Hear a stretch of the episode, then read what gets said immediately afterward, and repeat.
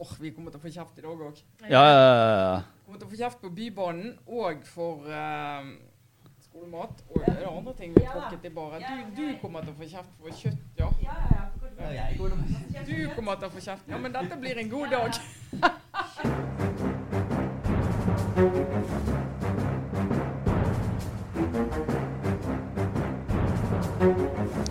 Ja, OK, da prøver vi igjen. Skal vi se om vi klarer å komme i gang nå? Ja. Eh, Da setter vi i gang med denne ukas Aftenpodden. Eh, Her er vi på plass, alle sammen, i et veldig stort og lyst TV-studio igjen. Det gir litt sånn mer glam-følelse. Og her er vi, Trine Eilertsen, god dag. Hei! Så hyggelig. Nå følte jeg vi tok igjen fra siste uke, som var litt sånn treg i starten. Ja. Sara Sørheim på plass. Hei. Er alt vel? Ja, jeg føler at jeg er på sånn lysterapi. Uh, så vi sitter i et sånt ekstremt opplyst rom, og det trenger jeg, for nå kommer jo høsten. Men bortsett fra det, ja, alt bra. Ikke sant? Nei, men Så fint. Jeg er Lars Klomnes. Først så må vi i Aftenpodden få lov til å annonsere litt for at vi uh, nok en gang skal ut og vise oss for folket. Vi skal ha et uh, liveshow i Oslo, eh, på Chateau Neuf. eh, Samme sted vi var før jul i fjor, og da var det veldig, veldig gøy. Det er onsdag 18. desember, og vi ser for oss en slags årsoppsummering av alt det eh, si, The good, the bad and the ugly uh, i norsk politikk og samfunnsdebatt i 2019. Ja, det er litt å ta av. Ja, jeg vil si at det er et, eh, det er et sprekt år med mye rart i både inn- og utland, egentlig. Ja, altså vi har jo hvis, jeg har, vi, Det har skjedd så mye at vi har jo nesten glemt at Tor Mikkel Wara gikk av som justisminister på nyåret. Og siden så gikk det jo bare én vei. Altså, jeg tror vi allerede nå kan si at vi tar innspill på hva som bør med på den eh, årsoppsummeringen. Jeg har tendens til å huske kun siste tre uker når jeg begynner å tenke på hva som egentlig har skjedd siste år. Så Ja, Vi går gjerne gjennom sendingen vår for å se hva vi snakket om, og blir jo like overrasket hver gang. 'Å ja, det Ja. skjedde, ja. Husker du det var i april?' Men det som hadde vært interessant, om det er noen saker som vi var veldig sånn klar på og mente vi skjønte den gangen som vi har skiftet mening om, eller et eller annet sånt. Kanskje vi skal prøve å tenke litt på sånt? Ja, for det er vel, det At er det har kommet ny eh, informasjon, mm. eller at vi ser på det litt annerledes. Eller. Eller at vi var veldig, gikk, ja, gikk veldig høyt på banen. Vi faktisk kan, har eh, vi, Av og til så våger vi oss eh, inn hva på er det du noen prøver å si spådommer. Nei, jeg bare tenker at Det kan jo Mener være ting at- som ser annerledes ut i desember 2019 enn i, Kanskje enn i mars. Sara er blitt glad i korps? Eller begynte å hate vindmøller. Ja. Oh, det er, eh, ja, nå vi satt på en ny eh, brennbar eh, utgave av Aftenposten i dag. Og så vil vi oppfordre alle som, som er i området til å skaffe seg noen billetter og komme og være med. Det blir noen gjester også som jeg tror skal være høyt, høyt nivå på, og det pleier vi å ha. Det Så eh, det fins billetter på Facebook-siden vår, og i omtalen av eh, ukens podkast så ligger det også en lenke. Det er eh, spesialtilbud for studenter og Aftenposten-abonnenter, som seg hør og bør. Men det var jo nok internreklame. Det har vært en stor politisk uke i våre største byer. Eh, det er blitt enighet i, i både Bergen og Oslo. Vi skal til Bergen etter hvert. Eh, der, trengs det, der trengs det litt rydding, er det ikke det det heter? Jeg er glad vi har vår egen Bergensguide. Ja. Rough Ja. guide eh, til Bergen. Det trengs. Det er litt mer oversiktlig i Oslo, men ikke like oversiktlig som før. Nei. Eh, vi starter i Oslo. Der kom altså den nye byrådserklæringen eh, for de neste fire åra. Det var eh, dokumentet som, eh, som eh, de partiene, altså som Arbeiderpartiet, SV og MDG, eh, har sittet og forhandla om i fire uker. En, eh, en ganske gru, liksom, grundig, ordentlig dokument som skal si dette skal skje, dette er våre mål, det er våre ønsker for, eh, for de neste fire åra. Og eh, er, liksom, er det noen overskrifter som kan tas sånn helt på toppen fra det som er lagt fram? Man kan i hvert fall, hvis man begynner bare med å tolke hvordan de la det fram, eh, så hadde de jo liksom, eh, holdt på å si kledd seg i 10 000 potteplanter på pressekonferansen. Så helt åpenbart en eller annen eh, kommunikatør som eh, ønsker at etterlatt inntrykk i hvert fall skal være at dette er et grønt budsjett. Holdt Du så en grønn plattform. eh, bildet og lurte på om de hadde fått låne lokaler av Plantasjen.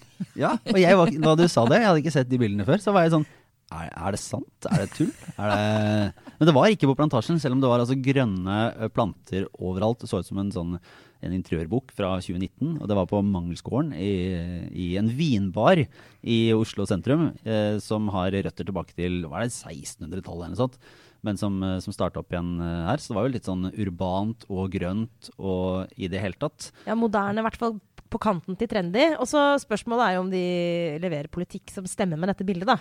Ja, altså i hvert fall det som har vært mest eh, diskutert ute i, eh, i byen, om du kan si det sånn. Det er jo grønt, grønn skolemat og veier. Sant? Sånn at det er jo egentlig MDG sine saker som først og fremst For det er jo mystisk nok så var jo eh, skolemåltid var jo Arbeiderpartiet sin store valgkampsak. Det er jo det Arbeiderpartiet har å gi på skole. Det er jo ikke så mye annet. Eh, og den, eh, Det har de jo da gjennomført i Oslo, men i og med det står kjøttfritt foran, så ble det plutselig MDG sin sak. Ja, for det Det er, jo, det er jo veldig, det er veldig Eller på en måte et fint bilde på en del av eh, dilemmaene som Arbeiderpartiet står i i Oslo, og i samarbeid med MDG. Det er at eh, Oslo Arbeiderparti la jo fram i valgkampen en plan for eh, skolemat, gratis skolemat. Og det, det var ganske detaljert, med bl.a. Liksom, en type meny og denne type mat og sånne ting. Og den var jo kjøttfri. Eh, men da het det bare gratis skolemat. Eh, og så kommer, eh, og så kommer MDG inn og sier vi skal ha en ja, gratis skolemat, gratis kjøttfri skolemat. Og så bare poff, så setter det fyr på, på debatten. Det er litt sånn som da når Arbeiderpartiet er for, på en måte er for bomringen, og så kommer MDG og sier ja, men de elsker Ja. Og da blir de stående igjen litt etterpå. Ja, men det- de det er litt mente jo sånn- dette her, de vi òg, men I Dagsnytt 18 i går så var det jo Arild Hermstad som var i studio for å forsvare, altså MDG-politikeren og nasjonal talsmann som var i studio for å forklare eh, denne matpolitikken, om du vil, i Oslo. da. Og Da blir det jo bare forsterket inntrykk av at dette er det MDG som har gjort sånn. Så Arbeiderpartiet kan jo gjøre så mye de vil med det, men det, det MDG er også mye flinkere enn de nå til å selge politiske seire. Men da skal jeg, nå må jeg tillate meg å, å mene litt på det for den derre kjøttfanatikerne som hopper opp eh, og, og nå som blir sånn fornærma på vegne av kjøtt. Ja, jeg er en av dem, Lars. Ja. Så bare pass deg, vær så snill, bitte litt. Altså, jeg, jeg opplever det jo helt omvendt her. Jeg opplever at det er liksom disse eh, nå kan jeg si persillebladene, litt sånn nedlatende, som er altså så krenkbare når det kommer til litt tøysing med at det må være lov å spise løvpostei på skolen, liksom. Og så føler jeg at det er nesten blitt helt sånn umulig å bare si at kjøtt er en hjørnestein i mitt kosthold som jeg ikke er villig til å gi opp. Og da bare er vi i gang igjen. Så her, dette her er, liksom, dette er nå blitt kanskje liksom vår tids, i hvert fall her i byen, mest brennbare spørsmål. Hvem skulle trodd? Det Det helt- er ingen toleranse for litt tøys og tull engang Ja, ja, tøy, tøys og tull kan være greit, men det er, jeg mener at da er da de kjøttfanatikerne eh, hopper frem og er sånn ja, for Da skal de ta fra unga våre leverposteien er og sånne som. Sånn som deg! Ja. som kom til uh, i, i, i vannvare, må jeg vel si, og i min bunnløse naivitet kom til å skrive på Facebook da budsjettet, så delte jeg en sak for Aftenposten om budsjettet, og så uh, bare skrev jeg litt eh, ja, servere leverposteifri skolemåltid til syvåringer. Lykke til med det. for, for å si det sånn, jeg kjenner jo noen syvåringer som har leverpostei som ja, egentlig det pålegget de spiser. Så jeg liksom bare så for meg dette og syntes det var veldig vittig. Tenkte jeg skulle dele det med folket. Eh, det, noen syntes kanskje det var vittig. Jo, det var det nok noen. Men det var enda flere som ble dritsur. Ja, jeg, jeg, jeg merker Og null rom for å tulle med ikke, kjøtt er, og det, er ikke, det er ikke så mye tull, men det, bare, det var sånn debatten om uh, Ja, er det virkelig greit å si at vi skal spise mindre kjøtt? Sånn, ja, selvfølgelig er det greit å si at vi skal spise mindre kjøtt. Når, hvis du skal innføre et gratis skolemåltid, eh, så, og du, det finnes et sånn overordna eh, klimapolitisk mål og helsemessig mål som, som er greit, på at folk i Norge bør spise mindre rødt kjøtt. Men, men det jo Så skulle det bare ja. mangle at du ikke innfører et nytt måte, kjøttmåltid. Og så er det der forskjellen på et kjøttmåltid og ikke. Det er vel Men her- helt, helt uh, marginalt. Men det handler jo om om du lader det med en slags sånn moralsk overtone eller ikke. Det er det som er problemet. Ja, og det, og det er faktisk eh, For det kommer vi vel nå snart inn på, kanskje litt mer politikken i denne plattformen. Men, men det henger jo sammen også med det vi har snakket om, det med at det blir fort et MDG-stempel på veldig mye av politikken til dette byrådet. Selv om Arbeiderpartiet jo fortsatt er det største partiet. Og eh, som en i Arbeiderpartiet sa, så Og dette er jo da Arbeiderpartiets egne ord, eller altså, dette er jo fra deres ståsted, men at Arbeiderpartiet har en like radikal miljøpolitikk som De Grønne, bare at de ikke har den samme moralske pekefingeren. Jeg er klar over at dette er veldig uh, lada å si det òg, men jeg kan kjenne meg litt igjen i det. At det, eh, jeg har toleranse for veldig mye, f.eks. sykkelveier. Men jeg kan kjenne på den der hvis jeg skal få en sånn moralsk sånn, Hvis det blir pålagt dårlig samvittighet for å servere barna mine kjøtt, da kjenner jeg at jeg også blir fyra opp. sant? Og det tror jeg er egentlig litt av det som gjør at eh, MDG er så omstridt også her i Oslo. Enten så er du veldig for eller veldig mot. Du må ikke være så redd for å få dårlig samvittighet, Sara. Du kan jo kan smøre, smøre. Man kan smøre ikke matpakka med akkurat hva du vil, uten Man at skal noen ha skal dårlig dømme deg for det. samvittighet Lars, for å spise litt kjøtt. Nei, nei, selvfølgelig ikke, men det er jo ikke noe Det må jo ikke, det blir jo, Du kan ikke bli, bli ikke påført det av alle andre. Du må ta ansvar for dine egne følelser. Jo, men- jo, men Nå er Nå er spørsmålet om vi klarer å redde inn i denne.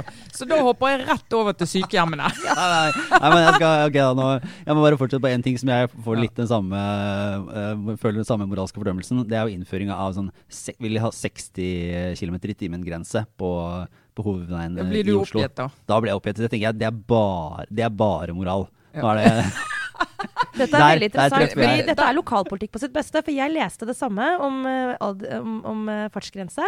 Eh, nå har jeg heller ikke sertifikat, så jeg innser at jeg er kanskje ikke den som skal mene mest om dette heller. Men du syns det var en god idé? Ja, utmerket idé. Og uh, ikke minst 20 km-grense utenfor skoler. Utenfor barneskoler. det er greit. Det er greit. Du syns det er greit? Ja, det syns jeg er greit. Det er bare Ja, den men der bare for å si det, det er jo 30 km grense den dag i dag, og det er jo opptil flere som overhodet ikke overholder. Så du kan jo bare liksom sette i gang de her grensene, og så kan du se hvordan det går. Men dette her er nettopp i kjernen på eh, lokalpolitikk, og for oss som bor i Oslo, for eh, denne plattformen er så konkret som vi snakker nå. Sånn er den jo også. ikke sant? Det går jo rett inn i livene våre. Nettopp derfor også så har jo denne, altså, så har denne mm, plattformen en sånn sprengkraft i seg. Fordi at du begynner hele tiden å se det opp mot dine egne vaner og dine egne hverdager. Eh, som du kanskje ikke finner igjen i, liksom, altså når du skal over på regjeringsnivå. da, Som gjør det litt gøy eh, Ja, med Oslo-politikken. Det er jo derfor det er rart at ikke folk er mer engasjert i den politikken. Men jeg må jo si for min egen del, altså om skolemåltidet er grønt eller brunt, eller om det er skinke eller leverpostei, det- jeg er jo helt mot hele det skolematgreiene. Det er jo et meningsløst tiltak. Fins ikke belegg for at det har betydning. Fins ikke. ja, Hvorfor finnes det ikke belegg? Nei, Hvorfor finnes det ikke belegg? Fordi det er ikke mulig å dokumentere at alt de ønsker at dette skal føre til. Altså Det er jo ikke måte på. Dette måltidet skal jo føre til at det blir eh, bedre læring, elevene blir mer opplagte, eh, du utjevner forskjeller. Det er liksom alt Arbeiderpartiet er opptatt av skal løse med dette måltidet her. Og så viser det seg at liksom over 90% av barneskolebarna i Oslo har jo med seg skolemat. Altså De har skolemat, og så sier de ja, men oppover i klassene har de ikke det. Nei, De får egne penger, de disponerer, går på kiosken istedenfor. Så kan du godt ønske at de ikke skal gjøre det. Det kommer de til å fortsette å gjøre. Så poenget er Hvis du skal gå inn og påvirke skolehverdagen til unge, så må du jo gå inn og bruke tiltak som du vet fungerer. Og i Norge så er ikke dette den største krisen, særlig ikke i barneskolen. Så her mener jeg bare symboltull. Si, det er jo litt det er jo interessant i de debattene, og jeg merker at det er jo det man eh, henger seg opp i sjøl. det, er at det, det, det er både litt sånn identitetspolitikk, noe av dette, og blir fort det. Og det kan jo være slitsomt å diskutere, samtidig som det er veldig nært og veldig konkret. Uh, og det er jo et eh, paradoks da, man ser at uh, et, uh, en politisk plattform for Oslo, som jo tross alt flytter milliarder på milliarder og gjør er en liksom, enorm drivkraft i også norske både politikken og, og samfunnsutviklingen, så er det veldig lett å bli sittende og diskutere de på en måte småtingene. Eh, og det må man komme mer inn i etter hvert og få analysert litt mer av hva som ligger der. Og jeg kan forstå at det blir sånn, for jeg har også prøvd å lese dokumentet, og det er så Dette gjelder alle politiske plattformer. Det, det er veldig få som egentlig slipper unna den kritikken her, men det er veldig mye sånne eh, svada og eh, nyord og rare begreper. Eh, og hvorvidt man liksom skal støtte opp under eh, en, eh, det, in innovative anbudsprosesser. og Det er liksom så, det er så mange sånne ting som er det er, veldig, det er mange ting som det er helt umulig å si egentlig nei til. da. Eller at det ikke er, så, det er, det er ikke tydelig nok definert til at du kan ta sånn helt stilling til er dette en god idé, er det en dårlig idé. Vi får nå nesten bare vente og se. Uh, og det er med sånn alle sånne politikk, store politikkdokumenter, så er det veldig mange som blir sånn. Og da ender man opp med å diskutere de mindre tingene. Jo, men på den annen side så er det noe vakkert med det òg, for det er hvordan skulle det ellers vært? Altså det jo, det ligger i, altså Veldig mye av dette handler om at de tre partiene som det er nå, da, eh, gjennom disse møtene her har brynt seg på hverandre og har liksom blitt kjent med hverandre. Det er jo en viktig sånn, intern prosess også å komme fram til den plattformen. Jeg er usikker på hva som er viktigst. Altså, selvfølgelig, det står en del ting der som er forpliktende, og som velgerne kan forholde seg til, men valget er jo nå tatt. Så eh, jeg er liksom ikke så opphengt i at av alle dokumenter, så syns jeg ikke det gjør det at akkurat dette kan være litt sånn svevende. Jeg liker til og med at i denne plattformen så har de et sånt eh, innledende kapittel om liksom framtidens Oslo. Det er liksom Oslo 2030, og det er ti sånne Oslo-løfter. Og ja, det er svevende, men hva, eh, jeg kjenner litt at det Jeg liker at det er det visjonære preget òg, Lars. At, det, at de ser framover, at de liksom prøver å bygge noe sammen. Og så får de heller drive med realpolitikk i hverdagen. Bare for å minne om eh, at vi er jo, bekjenner oss jo til evangeliet om utredningsinstruksen. Det er sant, da. Det er, det er klart. Det må vi aldri glemme. Og da er det jo sånn at hvis du hadde vært for konkret i en sånn plattform og sagt for mye om hva som er løsningen på en del av de utfordringene du ser, så hopper du over utredningene. da. Og det kan du sikkert kunne gjøre fordi at du starter som politiker. Altså vi har snakket om at ofte for politikeren så er det løsningen du selger. Dette er løsningen vi har tenkt ut, den vil vi ha. Istedenfor å starte med hva problem er det vi prøver å løse. Ja, F.eks. skolemat. Hvis du sier det problemet er at det er ulikhet i skolen, elevene har foreldre, eh, ulike forutsetninger for å kunne lære i løpet av skoledagen. Så Istedenfor å finne ut nøyaktig hva du skal gjøre med det, så starter du med løsningen og si at det er skolemat som er svaret på det. Så jeg skulle ønske at du mye oftere startet med problemet og sier at dette problemet syns vi er spesielt viktig. Og så blir du utfordret fra sånne som oss. Ja, hva er svaret på det, hva er svaret på det? Så vi tvinges liksom til å ha løsninger. Men du må jo utrede det og finne ut om er dette rette løsningen, eller, eller løser vi et problem som ingen har, eller bare gjør vi problemet større? Fins det andre måter å løse det på? Og er det da et nederlag å gå tilbake og si at vi fant ut at vi bør heller gjøre det på denne måten? Det, så det syns jeg er bra med at den type plattformer ikke er for konkrete. da. Eh, vet vi nok nå til å kunne si om dette flytter eh, politikken måte, mot, mot, sentrum eller venstre? Du kan jo si at Resultatene i, i kommunevalget ga jo både et, en sterkere, sterkere venstreside uh, i SV og Rødt, og et sterkere MDG. Nå er det sånn at byrådet faktisk er i samtaler eller sonderinger både med Venstre og med Rødt. Mm. Eh, er det noe å si så langt på, på hvilken vei det vil gå, eller om liksom totalprofilen er, er, tydeligere i den ene eller andre retningen? Altså jeg, jeg, vil jo tenke at Det er overraskende hvis de velger Venstre fremfor Rødt. Eh, for det Byrådet valgte jo forrige gang å, at tyngdepunktet skulle være til venstre og ikke inn mot sentrum. Uh, og Det er jo en par sånn markeringssaker i lokalpolitikken, f.eks. private aktører i velferden. Type sånn uh, sak.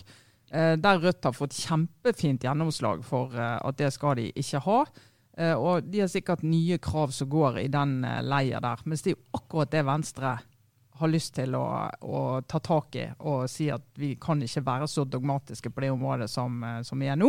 Og så skole, da. For det er klart skolepolitikken til byrådet den er jo relativt usynlig, vil jo mange i Venstre mene. Men, en siste ja. bitte liten detalj som jeg bare kan legge til helt til slutt, som jeg likte godt, er at uh, den nye ledelsen i Oslo tar til orde for flere farger på husene. Og da er vi over i et detaljnivå som jeg egentlig mener ikke hører hjemme i en sånn her plattform. Men som jeg kjente da jeg leste, at jeg ble sånn på ekte skikkelig glad for. Fordi eh, nå har det blitt bygd så mye sånn hvite og grå. Ja. Hele Bjørvika, hele Nedre, den hele egentlig fantastiske nye bydelen rundt Operaen, er altså altfor grå. Så eh, som sagt, det er detaljer, men dette er jo Oslos ansikt og fjes, og det er liksom det vi skal vise frem. Og da tenkte jeg at dette liker jeg. Nok en gang, back to liksom basics. Mer farger. Takk. Eh, og over til Bergen. og, og potteplanter. Ja. Ja. ja. Skal vi rett og slett reise vestover? Det tror jeg vi gjør. Litt mer, eh, det er, jo, det er jo mange som prøver å se sånne nasjonale trender inn i lokalpolitikk. og Hvor går Arbeiderpartiet? er jo alle opptatt av. Her samarbeider de med MDG i Oslo. Skal det vare evig? Eh, eller kan dette løse seg opp? Høyre prøver liksom å flytte seg nærmere MDG. Frp er jo helt isolert i Oslo. Eh, er ikke med på noen ting. Eh, og da må vi bare si, hvis vi ser på de to store byene, eh, nei. Det er, det, er, det er, ikke så lett å lese de store trendene. Eh, bortsett fra at i Bergen, som jo var et byråd eh, som eh, tapte voldsomt, altså Arbeiderpartiet med Venstre og um, KrF, som tapte voldsomt på valgdagen. Eh, og hele bystyret i Bergen ble fullstendig fragmentert. FNB husker vi kom, eh, bompengepartiet suste inn og bare knuste Arbeiderpartiet og Høyre. Eh, og har, du har ikke hatt noen sånn åpenbare flertallskonstellasjoner. Så har altså Arbeiderpartiet sittet og forhandlet med MDG, Venstre og SV nå i uker. Og så er helgen. Et par dager før fristen. Ja, nå må du dra og se hva som skjedde her nå. Så uh, plutselig, og KrF var med, med oss. Og så gikk KrF ut og sa nei, vet du, vi, vi kan ikke sitte i byrådet med SV. Så dere får velge. Og da så jo uh, Harald Viktor Hove i Høyre, Bergen, en mulighet. Så han tok umiddelbart en uh, kaffe med KrF og sa skulle ikke vi funnet sammen? Jo, kanskje det hvis Senterpartiet er med. Senterpartiet er jo litt sånn ja, vi, vi skal ha et møte på torsdag, så vi får ta det da. og når eh, Arbeiderpartiet skjønte at dette var foregikk, så var det jo bare å gå til KrF og si vet du hva, vi, vi dropper SV, vi vil ha dere med. Så vi, det, det, går bra. Så da vippet de SV ut i siste sving. KrF ble med på det. For SV har gjort et godt valg i Bergen? har SV har gjort et kjempevalg, akkurat som Rødt. Så i SV er jo skuffelsen enorm Men, over det her. For SV ville, de ville de være ville med? De ville være med, ja. Uh, og det var jo sant, altså Valhammer, byrådslederen, Arbeiderpartiets byrådsleder i Bergen, Roger Valhammer, han har jo skjønt det at han må klare å kombinere sentrum og litt mer av venstresiden, altså ytre venstre også, for å få dette til. Og har prøvd å få det til, men så sier KrF og hvert fall så Frøy Gudbrandsen, eh, politisk redaktør i BT, skrev at det var ikke så mye politikk i det. Men KrF kan ikke sitte sammen med SV. Så, så det går bare, på personlig kjemi ja, og sånn? Partihistorikk, ja. alt mulig. Men er det morsomt, fordi KrF har jo øh, kanskje, men har jo et image sånn nasjonalt og etter hvert som et altså som ikke er en sånn veldig sånn knallharde, hestehandlete uh, Som et maktparti, da, på samme måte som enkelte andre. Men i Bergen, Bergen. der er de eh, knallharde, og der er de troløse og hopper fra ene sida til den andre. Sitter alltid i byråd. Ja. Uansett om byrådslederne er fra Høyre eller Arbeiderpartiet, som pleier å svinge mellom de. KrF alltid med. Men, men hvordan, dette med Bergen nå, hvordan, hvordan, ser dette her ut mer som fra et sånt litt mer sånn demokratisk eh, ståsted? Altså, er det greit at taperne ditcher vinnerne i et valg, for å sette det litt på spissen. da. Altså SV gjorde jo et godt valg. Hadde på en måte fortjent å få innflytelse og posisjon. Det, altså, ja, altså, hele, liksom. Frp jo, kunne jo si det helt frem til 2013. Vi har gjort gode valg, men vi ja. får ingen posisjoner. Så sånn er nå politikken, da. Sånn er det jo. Hvis ikke du noen vil samarbeide med deg, så får du sitte der og hyse. Jeg tror vel I Bergen så sitter vel eh, Bompengepartiet og føler at de kanskje burde hatt enda mer innflytelse ja, basert på sin suksess. Og det ble jo ingenting av. sant? Men nå er jo dette en mindretallsbyråd som er nødt til å søke flertall hos SV. Uh, og da uh, og, og, og, egentlig litt avhengig av det, for det er litt sånn vanskelig å se for seg. De kan selvfølgelig få litt på andre siden òg, men det er jo ja, det, det, blir, det, blir, ikke noe enkelt for dette byrådet å bakse seg inn mot uh, eh, 2020. Men er det, er det, naturlig å se for seg at, at, SV og Rødt de har ikke sånn kjempealternativer hvis de vil felle byrådet? For da kan, da kan jo KrF gå over til høyresida få til et, et ekstremt uh, enkelt og vellykka samarbeid med FNB. Uh, eh, og styre Bergen sånn som de gjorde fram til for, for få år siden? Altså, ja, altså det, det, det, går, Hvis dette byrådet faller, så er det usikker, uklart hva som kan skje. Men det er jo altså kjernen i alt dette, eller ikke bare det selvfølgelig, men denne bybanen. Hvor den skal gå. Én, skal den bygges videre? To, hvor skal han gå? Skal han gå over Bryggen, eller skal han gå i tunnel? Hva kommer først, Trine? Kommer, uh, kommer, brexit eller Bybanen først? Har du, tar du sjansen? Det er faktisk helt umulig å svare på. på, på I begge tilfeller, faktisk. Er, er, det sånn nå at uh, av og til så tenker man at noen burde bare bestemme? Er det sånn at alle politikerne i Bergen egentlig sitter og venter på at Erna Solberg Erna skal komme hjem ja, ja, ikke sant? At det skal komme noen og så bare si sånn Vet du hva, dette har dere krangla om nå i så mange år. Sånn gjør vi det. Ingen kan få lov til å si noe på det. Eh, det er fasit. Det, det, er sikkert en del som kunne tenkt seg det. For det er denne saken her står i veien for veldig mange andre mm. viktige saker i byen. Og det er jo en by med alle de vanlige problemene som en by har. Og, og jo... sånn bybanespørsmålet, det er egentlig eh, skal, skal, skal trikken gå over Bryggen? Altså, satt, ja. På Oslo-måten så ville vi sagt det, sagt det sånn, ja. Trikken over Bryggen. Ja. Men uh, dette er jo ikke en trikk. Ja, altså vel... ja men det, det, er for så vidt ikke poenget. Poenget er jo at Bryggen er liksom uh, UNESCO World Heritage-del uh, av landet. Så det er sånn, kan du sende en bybane over der? skal du gjøre det bilfritt og sende bybane over der? Bør gjøre bilfritt, absolutt. Ja, for det, har jo masse, det er jo masse, masse biler der. så du bør jo Altså, hva skal du bruke dette området til? Og da er det noen som mener at du må skåne Bryggen for det, send det i tunnel. Mens andre mener at det er noe bedre at det går eh, bane og kollektiv enn eh, alle disse bilene. Og det er masse, ja, mange, mange synspunkt på kryss og tvers der også. Her er det sånn eh, det her, Trine Eilertsen, ikke redd for å si ha upopulære meninger. Har du et erklært standpunkt til denne siden her? Vet du hva, det, der, det er jeg veldig glad for at du spør om. Nei, altså jeg heller mot, uh, mot tunnel, vil jeg nok mitt hjerte ha sagt. Men dette, jeg har ikke regnet på det. Jeg har ikke noen ting, så um, det skal jeg ikke gjøre. Men uh, jeg skulle ønske at Bryggen var fri for uh, både altså, biler og selv, altså Når det dreier seg om Bergen by Den da, så jeg ikke komme. Da kommer liksom, da vokser hjertet over rasjonaliteten i Selje Eilertsen. Ja. Da har vi opplevd det også. Ja. Vi, vi, fortsetter inn i litt obligatorisk refleksjon. Uh, og se på det som uh, vi nå vil tenke inn i helgen, egentlig. Uh, da kan kanskje jeg begynne, fordi jeg har bare Jeg vet ikke hvordan jeg skal sortere der heller, men altså, vi har jo vært inne på Mr. Shaman Durek. Ja. Durek Verrett, som nå Altså, Cappelen Dam Forlag, Norges største, Ja, faktisk. Etter at de ble slått sammen med Dam. Så Ja. ja. Mm. eh, hadde jo da en plan. Ok, her er Shaman Durek, virker som en fryktelig solid fyr. Skal gi ut en bok på engelsk. Var det budkamp på, for å få den ut på norsk? Uh, der har man da bare gnidd seg i hendene og tenkt at dette er en uh, suksess. Og så virker det jo fram til nå som om ingen egentlig har lest denne boka. For det var Dagbladet fortjenestefullt hadde vært på Amazon og, og kjøpt den engelske versjonen, og peker jo på da det ene eh, merkverdige og på en måte vitenskapsfiendtlige uttalelsene, et, ene etter den andre, og som dreier seg om både, både seksualliv og eh, kreft som en sånn noe folk ønsker på seg. Ja. Og helt bergverdige superalternative ting. Og så, så virker det som at eh, forlaget, da de fikk høre at Oi, er det det som står i boka?! ja, nei, dette er jo faktisk, dette er faktisk etisk ikke greit. Og så har de trukket den. Ja. Eh, som eh, de sa de mente. Første boka de trekker siden de sammenslåingen, da i 2007. Men, men tingen er jo at de burde sannsynligvis ha trukket mange flere bøker med det argumentet der. For det er jo, det kommer Ingeborg Sendeseth hos oss har skrevet en kommentar som kommer i dag.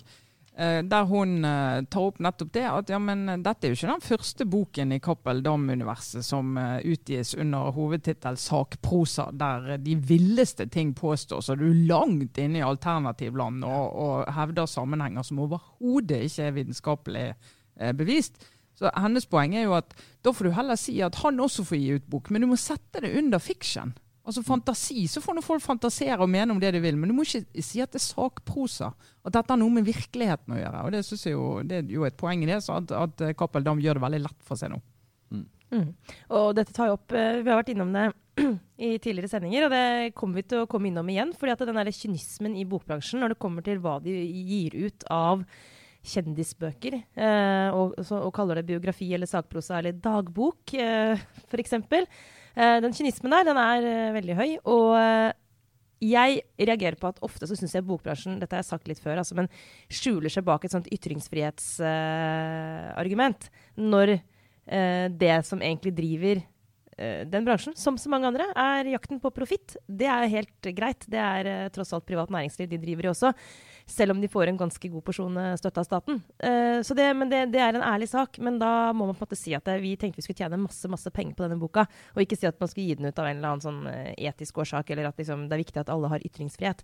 Uh, og så mener jo jeg for øvrig at den etiske muskelen i forlagsbransjen uh, burde vært bedre trent. da. Eh, her slo det jo inn. Men jeg er helt enig med, med Ingeborg Senneseth i at det finnes mange andre utgivelser også. Men som ikke har en så kjent forfatter. Og for ikke bare sitte og være pompøs og kritisk eh, og peke på alle andre bare, så er det klart at det som også henger sammen her, er jo at vi ville aldri skrevet denne boka i pressen hadde det ikke vært for at det er, er han som har skrevet den. Så her har vi en liten bit av skylda.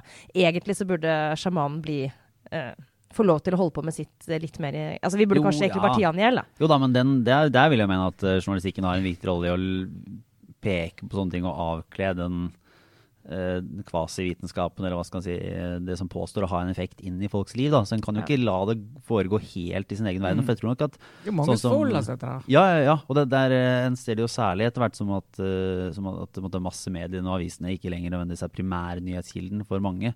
Så kan du jo nå ut til eh, like mange som du når via Aftenposten, via andre kanaler. Og, og det er jo typisk hvis du er en, eh, hvis du er en, en sånn sjaman da, og blir sammen med en veldig kjent eh, kongelig norsk person, eh, så vil du på en måte automatisk ha en sånn formidlingsmakt som jeg vil Ja, mene må jo, utfordres. Men det er visst, nå snakker du om den kritiske journalistikken som helt med rette plukker fra hverandre Ja. sjamanismen, eh, som er liksom, som fake news, eller eh, fake behandling, eller hva du skal kalle det for noe. Når, når du har folk, samme hvem det er, som sier at man kan tenke på seg kreft og sånn, så er det helt Men det, det, må vi, det må vi slå ned på i den kritiske journalistikkens navn. Men det er ikke det, nå mener jeg ikke de sakene. Nå mener jeg mer den der eh, type hva han sier om eh, hvordan han liker å ha sex, f.eks.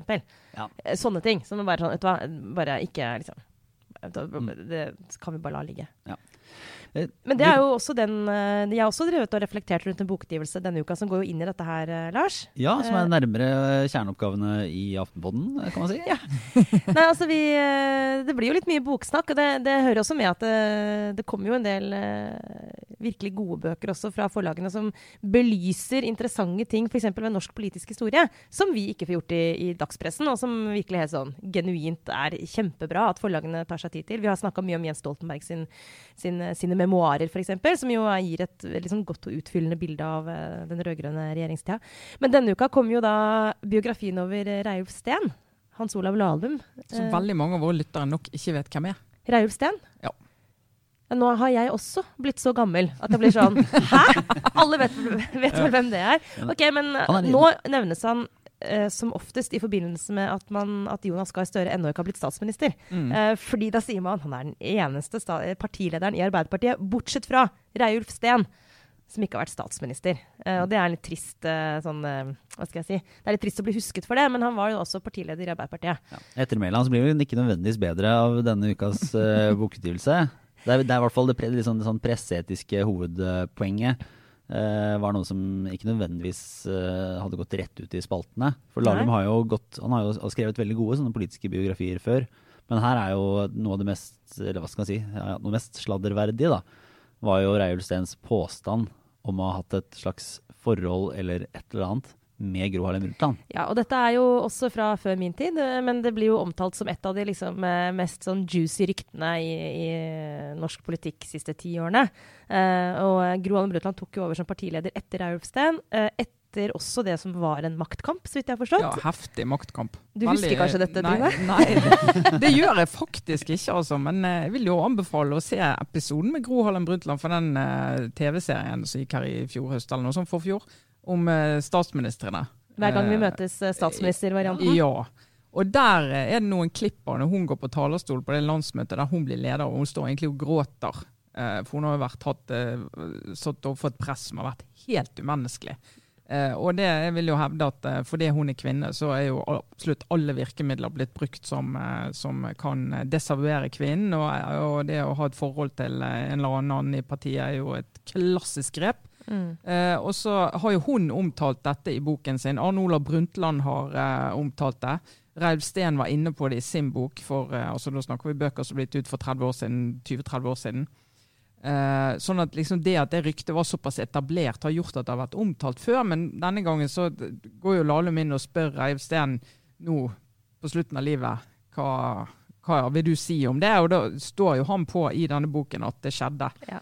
Eh, og så har jo Lahlum gått og spurt folk rundt det, eh, og har, eh, får noen kilder som eh, heller mot at det kan godt ha vært riktig, men som han selv sier, andre kilder og situasjonen gjør at han er veldig i tvil om det. Og da er jo diskusjonen men hvorfor ta det opp igjen nå? Ja, og, og, og helt grunnleggende, Gro Harlem Brundtland nekter jo. Hun nekter helt, og Ja. har alltid gjort det. Og Ja. alltid eh, plassert dette inn i en forferdelig bitter valgkamp. For disse var jo personlige venner Ja, ikke bare den gangen. Altså- og så Det ble enormt krass konflikt og, og, og juv mellom de to. Ja, og Helt uavhengig av eh, spekulasjoner rundt hvordan valør det var på forholdet, så, så virker det ganske godt dokumentert. Og, og det tror jeg alle har vært enige om at i begynnelsen så var eh, den relasjonen veldig sterk. Det var en dyp gjensidig fascinasjon, tror jeg begge har eh, sagt. Og da han var partileder, og, og Gro vel var eh, nestleder etter hvert. Eh, og så skal den relasjonen ha gått over til å bli eh, veldig veldig bitter, og da en maktkamp som Gro til slutt vant. Eh, men da hører det også med å nevne at Reiulf Steen var jo en, eh, altså levde et heftig liv og hadde sto ganske store personlige utfordringer. Ja, problemer er vel like så greit å si rett ut. Han var nok grenseløs, også overfor kvinner. da. Ja, hadde en krevende syke og var, ja, blir beskrevet som en ustabil person. Og det kan jo eh, være litt uheldig i den rollen som partileder. Og, og nå skal jeg være forsiktig med å liksom, konkludere her, men, men det ble i hvert fall reist veldig sånn, kritikk mot han. Og Gro Allen Brundtland eh, måte stilte mot han til maktkamp. Og det var nok sikkert Jeg tror ikke det er veldig kontroversielt å hevde at det var veldig bra for Arbeiderpartiet at det, det skiftet kom. og at hun tok og den- gikk, Ja, vise det. Ja. og hun tok den opprydningen og tok den kampen. Uh, og så er spørs spørs uh, unnskyld, spørsmålet da helt uavhengig egentlig av om det på et eller annet tidspunkt var et kjærlighetsforhold eller et seksuelt forhold mellom de to, Uh, fra den tiden da forholdet var bra. Eh, er det, er det relevant å trekke frem i dag? Og det var jo den vurderingen der som gjorde at jeg brukte litt tid på denne boka i forrige uke også, fordi vi ble jo sittende og lure på i NTB om skal vi videreformidle disse opplysningene. Eh, alle publisister eller alle redaksjoner har sitt eget eh, etiske ansvar. Altså, det hjelper ikke bare at det står i en bok, vi må også vurdere skal vi videreformidle dette. Eh, det er jeg sikker på at alle redaksjoner hadde litt sånne indre, disk indre diskusjoner om. da, fordi den gangen så er det klart at det er ikke noe vanskelig å argumentere for at hvis lederen og nestlederen i Arbeiderpartiet har et forhold, så har det nyhetens interesse. Men 30 år etterpå, en av dem er døde, og den andre benekter det, mm. så kjente jeg at den var ikke så helt enkel. Da kan, man se, da kan man bikke over i at det er grafsing i privatliv som egentlig strengt tatt ikke hører hjemme i offentligheten. Ja, og det, og det finnes definitivt uh, argumenter for at, at, den type diskusjoner kan bli, kan bli værende i en bok, og ikke trenger å løftes ut i dagsmediene. Eh, og i de store allmenne mediene. Eh, som Aftenposten gjorde jo det, løftet det ut. og Vi hadde jo en lang diskusjon før vi gjorde det, så det hadde jo mange dager med eh, diskusjon om det. Men, men landet på å gjøre det, da. Bl.a. pga. Lahlum sine refleksjoner rundt det, og hvorfor han tok det med. Og han mente jo at han kunne ikke skrevet den boken uten å problematisere det.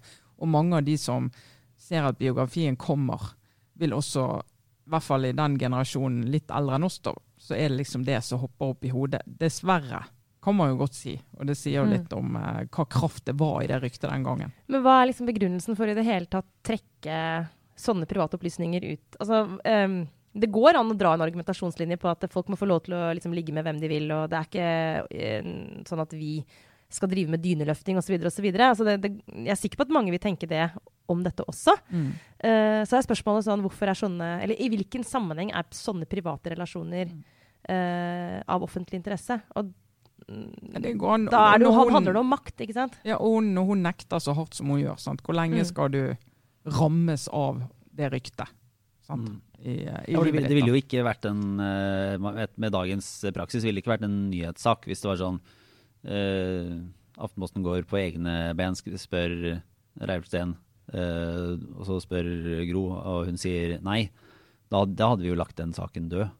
Ja, altså, ja isolert, sånn, sett, isolert, isolert sett. Ja. ja. Så det, det, det, måten det ble lagt frem på i boken, da, som mm. uh, men når det kommer til altså bare for å svare på mitt eget retoriske mm. spørsmål, så, så, kan jo sånne ting ha relevans hvis det er uh, mennesker som sitter på mye makt, altså forvalter makt, uh, som har kontakter eller altså har kanaler eh, som eh, kan bety at det vil påvirke viktige avgjørelser, f.eks., eh, men som er skjult. Sant? Og det er selvfølgelig type, en, sånn, en, sånn, type relasjon vil jo, får man tro, også bety at du har en type nærhet og en slags bakkanal da, som vil gjøre at du eh, kanskje ikke nødvendigvis kan helt eh, det, det, er manglende transparens, da. Eh, og det er en uprofesjonell ja. relasjon når du eh, er nestleder og leder i et parti som eller du er tillits, tillitsvakt, så blir det krevende hvis du da ikke er åpen om sånne relasjoner. For da kan du også veldig lett mistenkes for f.eks. For å fordele makt og posisjoner på bakrommet eller på soverommet. Mm.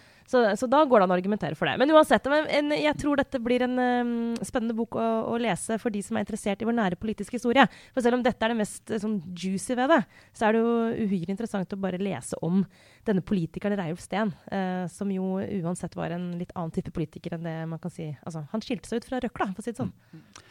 Åssen var det, Trine? Ja, nei, vi, vi, holder på med historie. Det her begynner å bli litt sånn gammelmannspodkast. Det er jeg fullstendig klar over. Men eh, i morgen, fredag, så er det altså 75-årsmarkering av frigjøringen av Finnmark. Jaha, hei sann, nå er vi virkelig ja, over gamlehjemmet, Trine. og da kan jeg jo bare kort fortelle hvorfor jeg plutselig har blitt litt sånn Eller ikke plutselig, jeg har vært eh, lenge veldig opptatt av det. Men altså, eh, min far han var blant de som ble evakuert fra Finnmark i 1944. Eh, og så har jeg snakket litt med han opp gjennom årene. Liksom, hvordan var det der? Hva skjedde? Og, og kjenner, vi kjenner eh, historien. Eh, men poenget er jo nettopp det at jeg har blitt kjent med den historien gjennom samtaler med han. Og selvfølgelig lest meg opp etter hvert, men når jeg gikk på skole, så lærte vi ingenting om dette. Det var krigshistorien. Det var litt sånn Sør-Norge og hjemmefronten og motstand og byene og litt sånn. Mens det som skjedde i Nord-Norge, det var utrolig underdekket. Eh, og så bare har jeg liksom vært litt sånn uh, interessert i den uh, familiehistorien. Da, om hvordan det var når familien og min far ble evakuert fra Honningsvåg til Tromsø på en overfylt fiskebåt. Eh, masse folk de kunne bare ta med seg det de skulle. De ble jo truet til å forlate. 75 000 mennesker fikk beskjed av nazistene om å forlate alt de eide og hadde. Gårder, dyr. Alt ble bare satt i brann. Eh, og de skulle dra med båter eh, som ble rekvirert fra hele, hele Nord-Norge og til og med Sør-Norge for å få de unna. da. Og det var jo sånn hvis dere ikke drar, blir dere skutt, type problemstilling. Så det var bare å dra, selv om det var en del som, som ble igjen og nektet og gjemte seg og sånn. Eh, kom som flyktninger sant? til Tromsø. Eh, avlusing på kaien. Eh, prøve å finne steder å ha de. Altså de er internt fordrevne, ville du kalt det i dag. Eh, og så det er enormt drama, da. Hvordan liksom brenner ned en hel landsdel.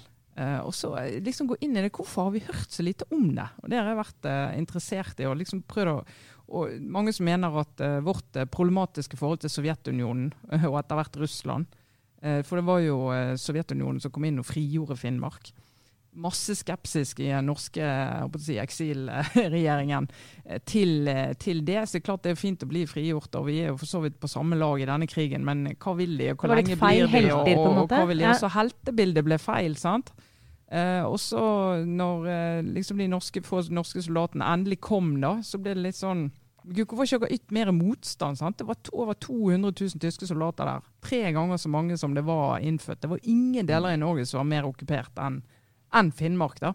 Enorme, masse menneskelig drama. og Folk som bodde i huler i ukevis og gjemte seg for tyskerne. altså sånn som, som er, er, totalt en naturlig del av vår krigshistorie, men som ikke har vært det. Mm. Og da tenker jeg at Denne markeringen eh, nå Og det var en diskusjon for et år eh, siden. Skulle Norge invitere eh, toppledere fra Russland? Eller har vi noe så dårlig forhold at du ikke kan gjøre det? Så ble jo, eh, Vi skrev bl.a. på lederplass Putin bør bli invitert. Nå er det utenriksminister Lavrov som kommer, og det er visstnok naturlig nivå for de å sende, sende på til sånne. Men selvfølgelig må du ha en en eh, topp fra det landet. For det, det også var jo en del av, av uh, uroen etter krigen. For det er klart mange i Finnmark de hadde gode følelser for uh, sovjeterne, som det het den gangen. Og det ble liksom uro i dette bildet at her er fienden, og her er, her er vennene, når du skulle rett inn i en kald krig etterpå. Så jeg syns det er en enormt interessant del av norsk historie. Så det var egentlig bare det. Ja, ja. Det, vi, den, det, det, de skaper interesse. Jeg har lyst til å lese eller høre eh, mer. Jeg kan ikke komme på heller i farta at dette var noe som det, vi, vi, lærte ikke om dette på skolen. Jeg tror du har et poeng der, Trine. Jeg ja, jeg ble, ja. Kirkenes ble bombet 300 ganger mm. under krigen. Sant? Ja. Eh, da tror jeg vi runder av. Eh, fortsetter. Eh, minner igjen om live podkast-show på Chateau Neuf 18.12. Eh, der er det billetter på Facebook og på, i beskrivelsen av denne podkasten. Så håper vi å se mange der. Vi gleder oss. Eh, og så er vi tilbake neste uke. Det er vel ingenting ja, det er vel en grunn til å ikke være det, er ikke det? er bare, nå er det neste og... jul, ja. Lars. ja, Romjul neste. Yep. Nei, men det, eh, takk for oss. Det var Sara Sørheim, Trine Eilertsen og jeg, Lars Klomnes. Ha det bra. Hei sann, en liten ekstra ting. Vi er veldig opptatt av å utvikle podkastene våre, både når det gjelder innholdet og annonsene vi tjener penger på. Eh, derfor har vi oppretta et podkastpanel der vi vil ha med flest mulig. Da kan du gå for å være med til skipstedpanel.no slash podkast eller så kan du finne en lenke i beskrivelsen av denne ukens episode. Eller så kan du gå på Facebook-sidene våre og få lenken der. Vi håper flest mulig melder seg på og sier ifra om hva som er bra, hva som kan bli bedre, hva dere absolutt ikke vil ha. Takk, takk.